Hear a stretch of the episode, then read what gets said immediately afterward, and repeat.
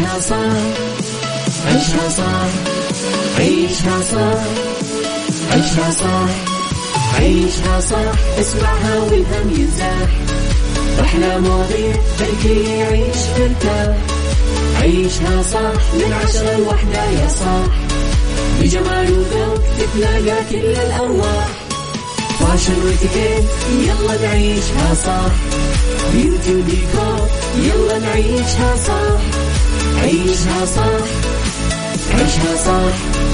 على Mix FM يلا نعيشها صح. الآن عيشها صح على Mix FM. Mix FM هي كلها في ال mix. هي كلها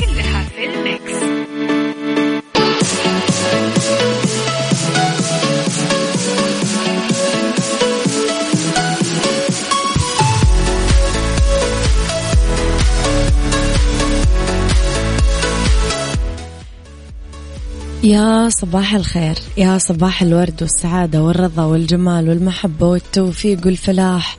كل شيء حلو يشبهكم. صباحكم خير وين ما كنتم أحييكم من وين ما كنتم. تسمعوني من وراء ال mic وال control أنا أميرة العباس. ساعة جديدة ويوم جديد وصباح جديد وحلقة جديدة.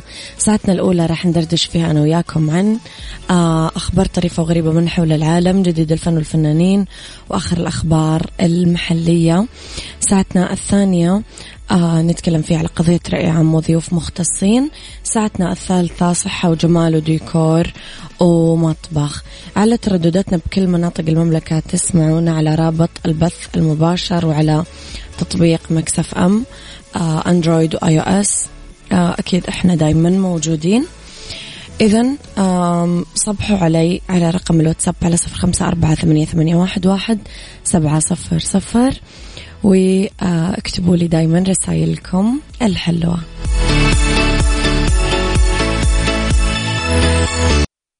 عيشها صح مع أميرة العباس على Mix FM. Mix FM هي كلها في ال mix. هي كلها في ال mix.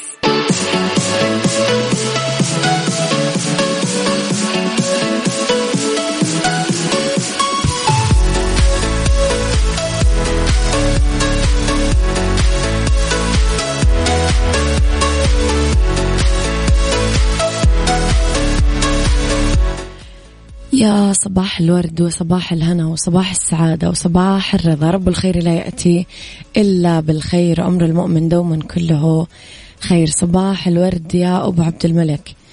آه عبد الرحمن نظير يسعد صباحك. أبو عبد الملك يسألني يقول لي إيش متطلبات المشاركات الهاتفية في الساعة الثانية؟ ما في أي متطلبات. المتطلبات بس تكتب اسمك ورقم جوالك وإحنا نتصل عليك. ما يحتاج الموضوع أي متطلبات. لخبرنا الأول أنا وياكم. آه، أعلن الأمن العام أمس الأحد عن رصد مخالفات للائحة المحافظة على الذوق العام في عدد من مناطق المملكة خلال الأيام الماضية.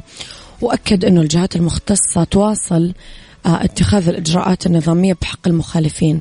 قال الأمن العام عبر حسابه الرسمي في تويتر رصدنا خلال الأيام الماضية عدد من مخالفات لائحة المحافظة على الذوق العام في عدد من مناطق المملكة وتواصل الجهات المختصة اتخاذ الإجراءات النظامية بحق المخالفين. صراحة لائحة الذوق العام من يعني أحلى اللوائح النظامية اللي أنا شفتها في حياتي.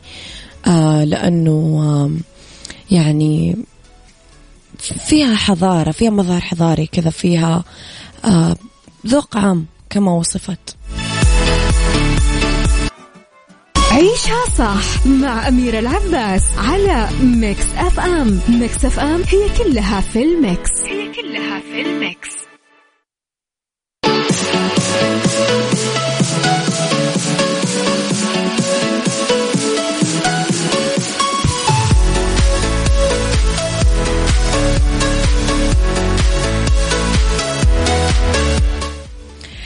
تحياتي لكم. دخلت الفنانة المصرية منى شلبي سباق التنافس على جوائز إيمي التلفزيونية في نسختها التسعة وأربعين.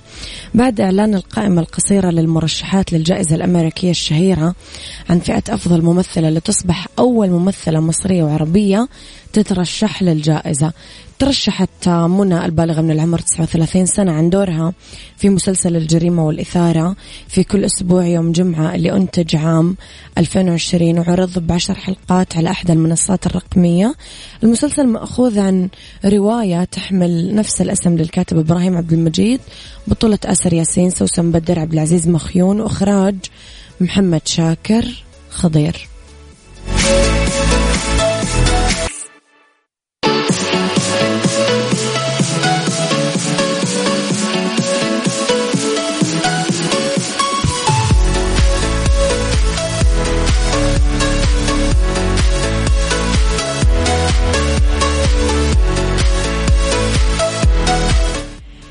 صباحكم خير مرة كمان. جامعة وافقت واحدة من الجامعات الصينية آه، على قبول التحاق يوزة وزة بين صفوف طلاب الجامعة بحادثة أثارت ضجة على شبكة التواصل الاجتماعي الصينية. حسب ما ذكرته شبكة أخبار التلفزيون الصيني الرسمي كان قد تم تسجيل الأوزة اللي يطلق عليها اسم جوجو رسميا كطالبة بجامعة شنغهاي البحرية بعد ما أرسلت إحدى مستخدمات الإنترنت الجمعة الماضية للموقع الرسمي للجامعة على الإنترنت تطلب منها تبني الأوزة. تقول السيدة اللي تقدمت بطلب التبني أنها ما عادت قادرة تعتني بالوزة لأنه انتقلت للعيش بمكان آخر وصعب تصطحبها معاها وردت الجامعة وعلقت على طلب السيدة أنها راح تناقش الأمر مع الإدارة للحصول على إذن. بوقت لاحق أعلنت الجامعة على موقعها الرسمي أنها مستعدة لقبول الأوزة وأصدرت كمان خطاب قبول رسميا لانضمام الأوزة بين صفوف طلابها وتلقى هذا المنشور إعجاب الآلاف اللي أعادوا مشاركته. أنشأت الجامعة حساب رسمي للأوزة على موقعها بالإنترنت ويتم نشر صور لحياتها اليومية بالحرم الجامعي. cute الآن عيشها صح على Mix FM. Mix FM هي كلها في ال mix. هي كلها في ال mix.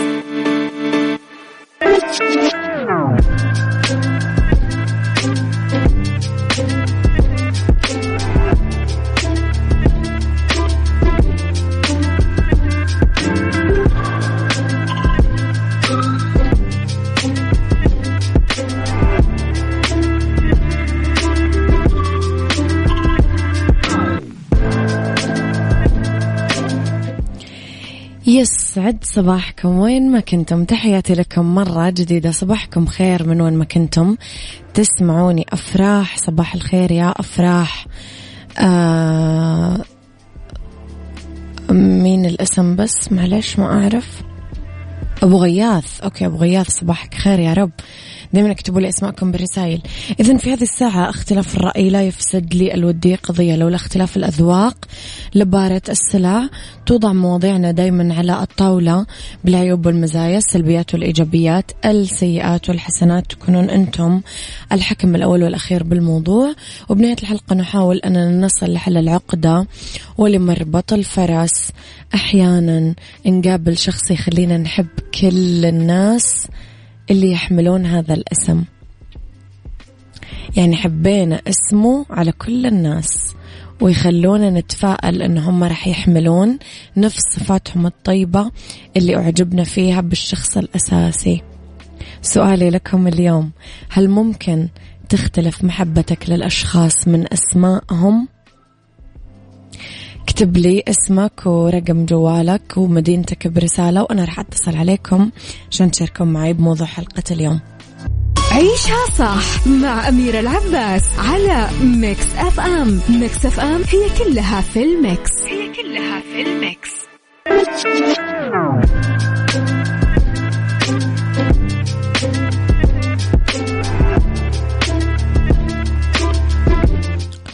يقال بأنه لكل امرئ من اسمه نصيب وسمعت كمان مثل قال يأخذ الإنسان من اسمه الثلث.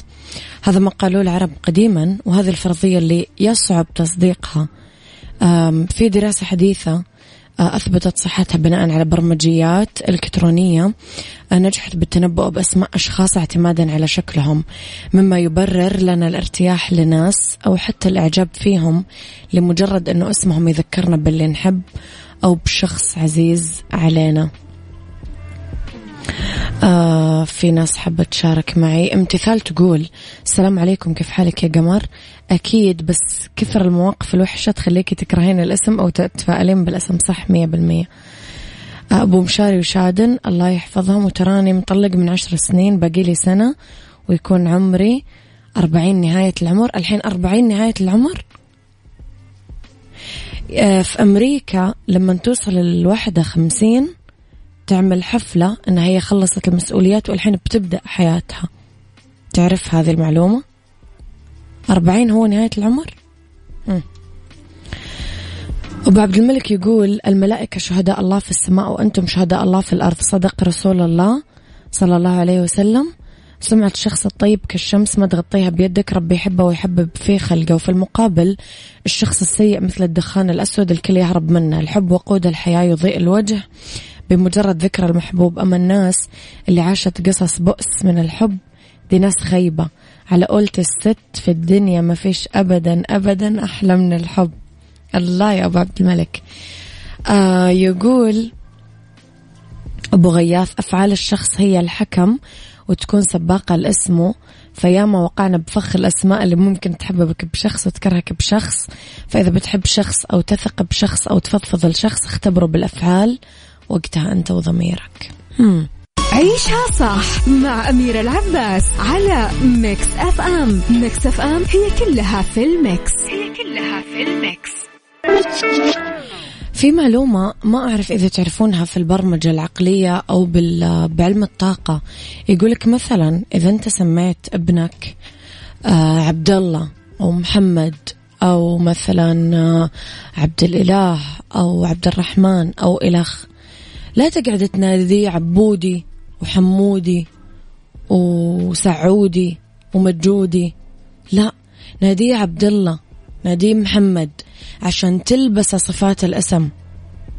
عشان يكتسب صفات الاسم. هل الاسم يأثر علينا؟ أنا أميرة جدا أقتنع أنه جدا يأثر الاسم علينا. ولا يعني لا تنادون الناس بالدلع. أنا زي مثلا لا تنادون كثير أبو فلان. يا أبو عبد الله يا أبو محمد يا أبو سلطان يا أم مريم يا أم سعدية يا أم فتحية. ليه؟ انت إيش اسمك؟ تعالي يا أستاذة منيرة. تعالي يا أستاذة سميرة.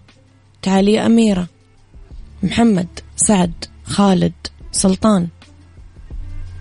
هذا اسمك أبو فلان. أبو فلانة أو أبو فلان. ماشي يتكنى الاسم بأبنائه. الشخص بأبنائه. ولكن ما يصير هو الاسم المعتاد. أبو فلان وأبو فلان. غلط. حتى نفسيا تتبرمج أنت على ارتباطك الوثيق جدا بأبنائك. وهذه مو حاجة صح. لازم أنت ترتبط باسمك فقط وبشخصك فقط. آه زائد سعودي وحمودي طلعت لنا جيل أنتم شايفين يعني كيف. ما يحتاج. بالعكس تعال يا سيف تعال يا سلطان تعال يا آه فيصل تعال يا أسماء قوية. أنتم تضعفونها وتضعفون برمجتها لما تقولون فصولي. فصولي؟ إيه،. إيش فصولي؟ طبعا ما أبغى ما أبغى أقول على الناس اللي قاعدة تقول فيفو لا بس نادوا الناس بأسمائهم. أنا عمري ما أقب ما ما أرد يعني أبوي يناديني قمر اللي هو الوحيد اللي يحق له ما لا يحق لغيره. بس أمورة وما أحب. أميرة. ناديني أميرة. اسمي. أحب اسمي أنا. ناديني أميرة ألبس صفات الأسم. فما أدري مجرد قناعة شخصية. ف إيش رأيكم أنتم في الموضوع؟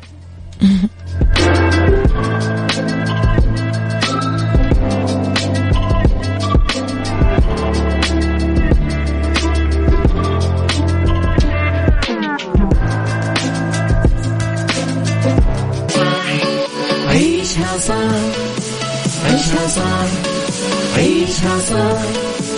عيشها صح عيشها صح اسمعها والهم ينزاح أحلى مواضيع خلي يعيش مرتاح عيشها صح من عشرة لوحدة يا صاح بجمال وذوق تتلاقى كل الأرواح فاشن واتيكيت يلا نعيشها صح beauty وديكور يلا نعيشها صح عيشها صح عيشها صح.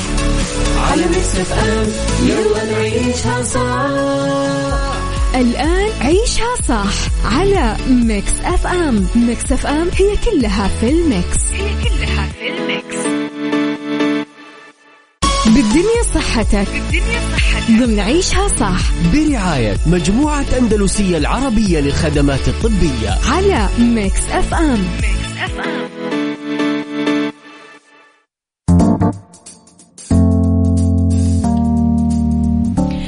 يا مساء الورد والجمال والسعادة والرضا والخير والمحبة والتوفيق والفلاح. يسعد مساكم أولى ساعات المساء وآخر ساعات آه، برنامج عيشها صح مجددا من وراء ال mic وال control أنا أميرة العباس. أمسي أكيد على كل آه، مستمعينا. آه، طيب بما أننا اليوم الاثنين أكيد راح يكونون منورينا عيادات أندلسية اسمحوا لي أرحب بضيفتي في الاستوديو دكتورة رزان عشي أخصائية الإرشاد النفسي. يسعد مساك دكتورة. أهلا وسهلا. شكرا على استضافتي في Mix في Mix FM ودعوتي للحوار سعيدة جدا بوجودي معاكم. إحنا الأسعد دكتورة أهلا وسهلا. دكتورة أنا وياك اليوم رح نتكلم عن الأفكار وعلاقتها بالمشاعر. خلينا نبتدي دكتورة بأول سؤال. يعني مرة في خلط كثير بهذا السؤال. فلو تشرحي لنا حضرتك إيش هو أصلا العلاج النفسي؟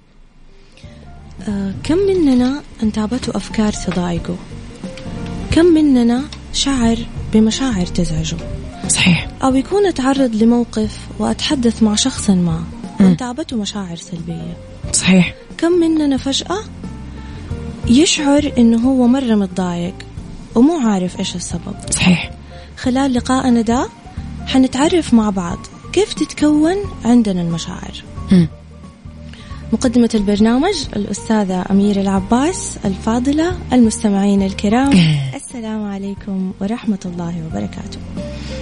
العلاج النفسي هو مصطلح عام. لجميع مشاكل الصحة العقلية والنفسية. م. من خلال التحدث مع الأخصائي النفسي أو الطبيب النفسي أو غيره من مقدمي خدمات الصحة العقلية والنفسية م.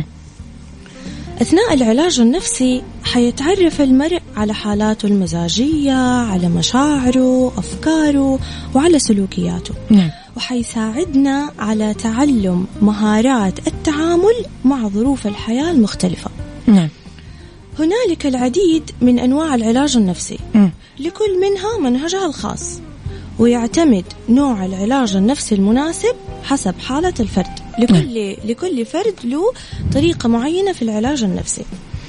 يعني مو بالضرورة أنه المستفيد من العلاج النفسي يتم تشخيصه بمرض نفسي. نعم. ممكن يفيدنا العلاج النفسي في تخفيف حدة القلق في التعامل مع ضغوطات الحياة في حل النزاعات وفي كيفية التعامل مع الأطفال والمراهقين نعم. غالبا يستخدم المعالجين النفسيين نوع أساسي ورئيسي من أنواع العلاج يسمى بالعلاج المعرفي السلوكي ده العلاج يساعد الإنسان على فهم الأفكار والمشاعر اللي. تأثر على سلوكياتنا تقنيات العلاج المعرفي السلوكي تعتمد على فكرة واحدة بسيطة. وهي إنه الأفكار هي اللي تسبب المشاعر مهما كانت هذه الأفكار قصيرة أو عابرة أو حتى غير ملحوظة بمعنى إنه الموقف في حد ذاته ليس له أي مضمون انفعالي وإنه انفعالاتنا ومشاعرنا ما هي إلا نتاج تفسيرنا للموقف. طيب دكتورة من هذا السؤال خلينا نروح للسؤال اللي بعده. إيش ممكن يكون نموذج الانفعالات اللي إحنا نعملها؟ آه، نموذج الانفعالات أو نموذج ABC للانفعالات أو يسمى ألف باء نموذج ألف باء جيم للانفعالات. مفاده أنه أي موقف يحصل لنا في حياتنا يتبعه تفكير. نعم. وأي تفكير يتبعه رد فعل ومشاعر. نعم. فلو كان تفكيرنا في هذا الموقف فلو كان التفكير إيجابي حتكون المشاعر إيجابية. بينما لو كان تفكيرنا في الموقف سلبي حتكون مشاعرنا وردود أفعالنا سلبية. م. على سبيل المثال موظف انفصل عن وظيفته. نعم. فلو فكر بطريقة سلبية وقال أنا إنسان فاشل أنا أصلا ما أعرف أشتغل هنا مشاعره حتكون تجاه نفسه سلبية. نعم صحيح. بينما لو فكر بطريقة إيجابية وقال أنا حطور نفسي حلاقي وظيفة أفضل عشان أنا أستحق. صحيح. هنا حتكون مشاعره إيجابية ووطأة المشاعر المؤلمة حتكون أقل, أقل. حدة. صحيح. طيب دكتور بعض الأحيان الواحد يعني غصبا عنه يفكر بطريقة سلبية. مو دائما الأمور تمشي على كيفنا يعني. إيش سبب الأفكار السلبية اللي تجينا؟ من جلد ذات من غضب من الدنيا من حزن من وحدة من إلى آخره من المشاعر السلبية. عادة أي موقف يحصل لنا في حياتنا مم. بنطلق عليه تفسير أو اسم صحيح فإحنا نفسر تلقائيا جميع الأشياء اللي بنشوفها واللي بنسمعها واللي بنلمسها أو حتى اللي بنستشعرها صحيح ونحكم على دي الأحداث بأنها جيدة أو سيئة مم. ممتعة أو غير ممتعة آمنة أو خطرة فبعض المواقف نفكر بيها بطريقة سلبية لا إراديا. ليش؟ تبعا لأسلوب التنشئة اللي اعتاد عليه المرء والبيئة من حوله طريقة تصرف الأشخاص من حوله هذه الأفكار تسمى بالأفكار التلقائية. ليش اسمها تلقائية؟ لأنها خارج عن إرادتنا ومن الصعب إيقافها ولها من القوة ما يكفي لتكوين أشد وأقوى انفعالاتنا الأفكار هذه تكون على هيئة الحديث الداخلي مع الذات لما الواحد يتكلم جوات نفسه هذه الأفكار هي اللي إحنا نحتاج نشتغل عليها عشان نقدر نحول تفكيرنا من سلبي إلى إيجابي هل في طريقة نتعرف فيها على هذه الأفكار التلقائية؟ حاتعرف على هذه الأفكار وأسيطر عليها عن طريق مراقبة تفكيرنا مع حلو. كل موقف نتعرض له. ونشعر فيه بمشاعر سلبية. ونشوف إيش الفكرة اللي دارت في بالنا على أثرها شعرنا بمشاعر سلبية الاستماع للأفكار التلقائية هي الخطوة الأولى عشان نتحكم في مشاعرنا السلبية إنه حلو. أستمع أنا إيش الأفكار اللي قاعدة تدور في بالي مم. وأنصت لحديثي الداخلي مع نفسي اللي بقوله تجاه نفسي. أو تجاه تفسير سلوكيات الآخرين مم. مثلا زي عبارة مثلا أنا إنسانة غير جيدة أو مثلا عبارة هو أصلا ما هو مهتم فيا فهذه. نعتبرها من الأفكار السلبية نعم حنشوف مع بعض بطريقة عملية نعم. إحنا كيف ممكن نتعرف على هذه الأفكار؟ وكيف نقيم قوة أفكارنا التلقائية مم. والدور اللي تلعبه في حياتنا الانفعالية؟ حنعمل جدول مكون من ثلاثة خانات. الخانة الأولى حنكتب فيها الموقف. نعم. الخانة الثانية حنكتب فيها المشاعر. والخانة الثالثة حنكتب فيها الأفكار. لما نتعرض لموقف سلبي على طول كيف حنعرف إنه هذا موقف سلبي؟ إنه يكون يعني آلمنا آلم شعورنا أو يكون آه يعني الألم متصل الشعور بالألم متصل. حأعرف أنه هنا عندي أفكار آه تلقائية سلبية. فعلى طول أكتب هذه الأفكار في خانة أكتب أول شيء الموقف. الموقف والمشاعر وال... أيوة والأفكار. والأفكار. ففي البداية حأكتب الموقف بعد كده حأكتب إيش الأفكار اللي أنا شعرت فيها تجاه هذا الموقف. ومن ثم أشوف إيش الأفكار اللي جات في بالي خلتني أفكر أو خلتني أشعر بهذه المشاعر. لما نراقب تفكيرنا حنعرف لأي درجة الأفكار السلبية آه، حتشعرنا بالألم. طيب سؤالي الأخير دكتورة قديش المدة اللي يحتاجها الشخص اللي يطبق فيها جدول مراقبة تفكيره عشان يتعرف على أفكاره في ناس تقول لك دكتورة أنا الحين متضايقة وما أعرف الجدول هذا قديش ممكن ياخذ وقت تمام آه معظم الناس يلاحظ عليهم تحسن ملحوظ من مم. أول أسبوع يطبقوا فيه الجدول إذا فعلا استخدموا الجدول بكل أمانة إنه مم. مع كل موقف يشعرهم بمشاعر سلبية يروحوا يكتبوا الموقف والمشاعر والأفكار. آه فالوعي بنوعية أفكارنا شأنها شأن آه، شأنها شأن أي مهارة أخرى زي الخياطة والتزلج والكتابة. كلما تدربنا على فهمها أكثر كلما ازداد وعينا أكثر. يعني الموضوع كله دكتورة نغير إحنا إحنا نقدر نغير أفكارنا. موضوع الموضوع بسيط يعني. صحيح. بس هو يحتاج إنه الواحد يشتغل عليه باستمرار. إيش حابة تقولي لنا دكتورة في الختام. إن التحكم في أفكارنا نعم. وتغيير طريقة تفكيرنا من سلبي إلى إيجابي هي مهارة.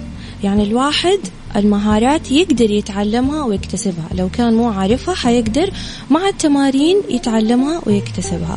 فهي مهارة أساسية. نحتاج أن نتعلمها ونتقنها من أجل الحصول على صحة نفسية جيدة وسعيدة. واعلم أن ما تفكر به سيشكل ما تشعر به في النهاية. صحيح مية بالمية. دكتورة نورتي حلقة اليوم. يعطيك ألف عافية. ولنا لقاءات قادمة أكيد. الله يعطيك العافية وسعيدة بتواجدي معك. إحنا كثير سعيدين بتواجدك. دكتورة رزان عشي أخصائية الإرشاد النفسي تكلمنا اليوم عن الأفكار علاقتها بالمشاعر يعطيك ألف عافية دكتورة تحياتي لك. أشكرك. الله يعافيك.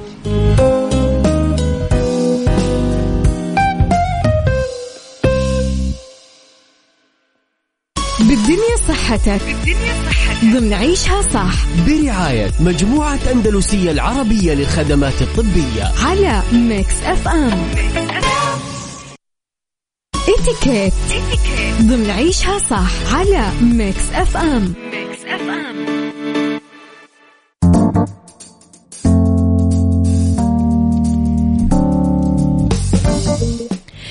في اتيكيت نتكلم على اتيكيت حمل حقيبة اليد. من الاكسسوارز المهمة الشنطة بالنسبة للسيدة لأنها تعطينا وظيفة جمالية وعملية لأنها تحفظ الأغراض المهمة أثناء الخروج. آه تحديدا المفاتيح والنقود. راح نشارك اليوم قواعد وأصول حمل حقيبة اليد بعلم الاتيكيت. واحد. ضروري نختار الحقائب اللي تتناسب مع حجم كل سيدة. يعني القصيرة ما تشيل حقيبة ضخمة. لازم نحافظ على نظافة الحقيبة من برا ومن جوا.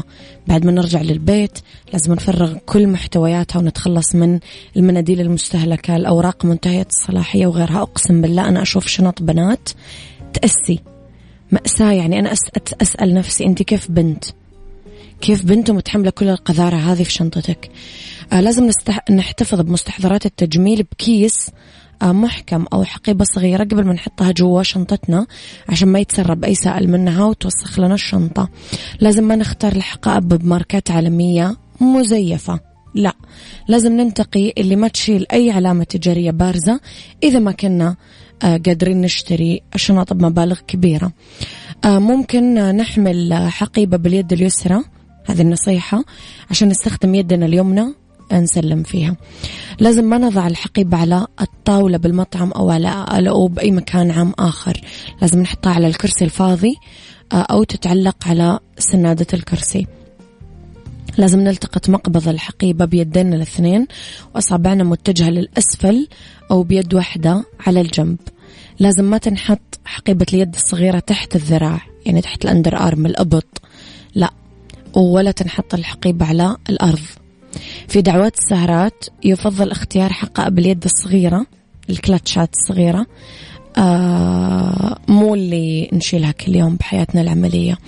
لازم ننسق شكل ولون الشنطة مع الملابس عشان نحافظ على طلة راقية ولافتة. ضروري نتخلص من الحقائب أول ما تتمزق أو يبهت لونها.